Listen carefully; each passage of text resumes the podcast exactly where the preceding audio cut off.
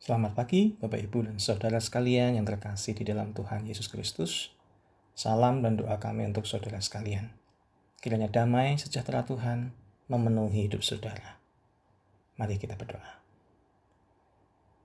Ya Yesus, Sang Sumber Damai Sejahtera, hari ini kami kembali datang untuk mengawali dalam anugerah-Mu.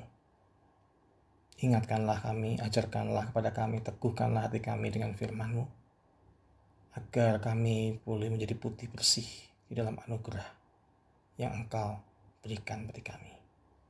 Terima kasih Tuhan. Amin.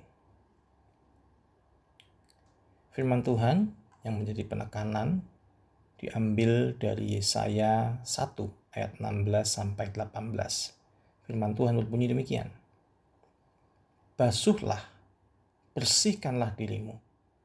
Jauhkanlah perbuatan-perbuatanmu yang jahat dari depan mataku. Berhentilah berbuat jahat. Belajarlah berbuat baik. Usahakanlah keadilan. Kendalikanlah orang kejam. Belalah hak anak-anak yatim. Perjuangkanlah perkara janda-janda. Marilah baiklah kita berperkara firman Tuhan. Sekalipun dosamu merah seperti kirmizi, akan menjadi putih seperti salju.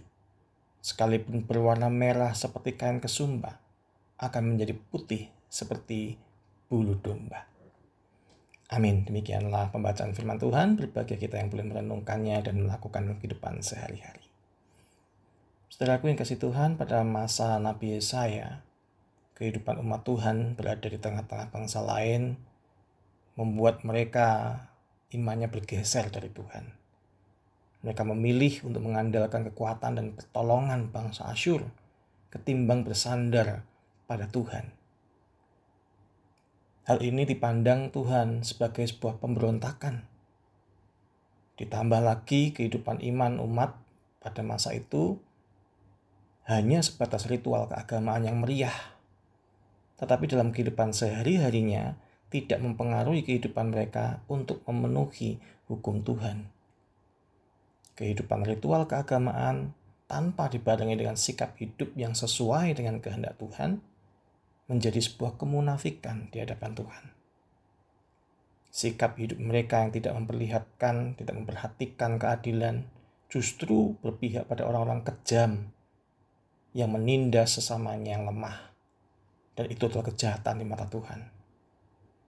Demikian juga bahkan para pembesar dan pemuka agama memilih untuk memuaskan diri dengan berbagai kelimpahan tanpa peduli kepada mereka yang menderita dan kekurangan.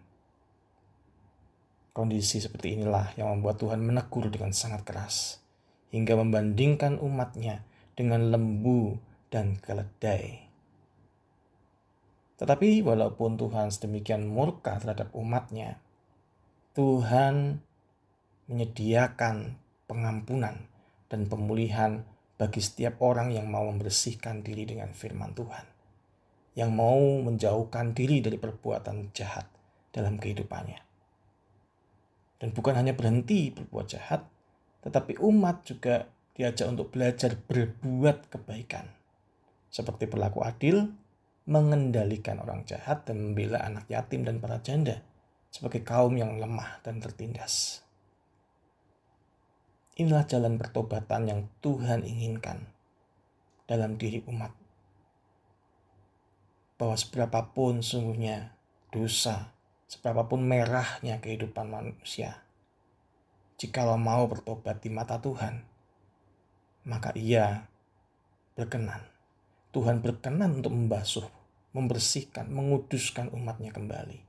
Seperti bulu domba. Dari Yesaya 4, 1-18 kita mengerti betapa Tuhan Allah kita panjang sabar dan penuh kasih setianya. Demikian juga kepada kita sebagai umat Tuhan di masa kini. Kita diajak untuk menyadari kehidupan kita sebagai anak-anak yang taat Tuhan tidak akan mengingat dosa dan kesalahan umat yang mau hidup memperjuangkan keadilan bagi yang tertindas dan lemah. Karena itu selamat menikmati anugerah dan pengampunan Tuhan dalam hidup sebagai anak-anak Allah yang sejati. Telah tersedia bagi kita pengampunan dan berkatnya. Amin. Kiranya Tuhan menolong kita semua. Mari kita berdoa. Di pagi ini kami kembali bersyukur atas segala peringatan dan pengampunan yang Tuhan Yesus limpahkan dalam kehidupan kami. Kami tahu bahwa kami berdosa, tetapi kami menyadari bahwa anugerah pengampunan Tuhan tidak boleh kami sia-siakan. Karena itu biarlah pagi ini kami kembali berkomitmen bahwa mulai saat ini dan seterusnya kami berusaha untuk mengupayakan dan memperjuangkan hidup benar dengan peduli kepada mereka yang lemah dan menderita, dengan mengandalkan kasih dan setia Tuhan bagi kami. Terima kasih Tuhan Yesus buat pengampunanmu atas setiap kami. Di dalam namamu kami berdoa, kami berserah. Amin. Selamat pagi, selamat menjalani hari ini. Tuhan Yesus memberkati.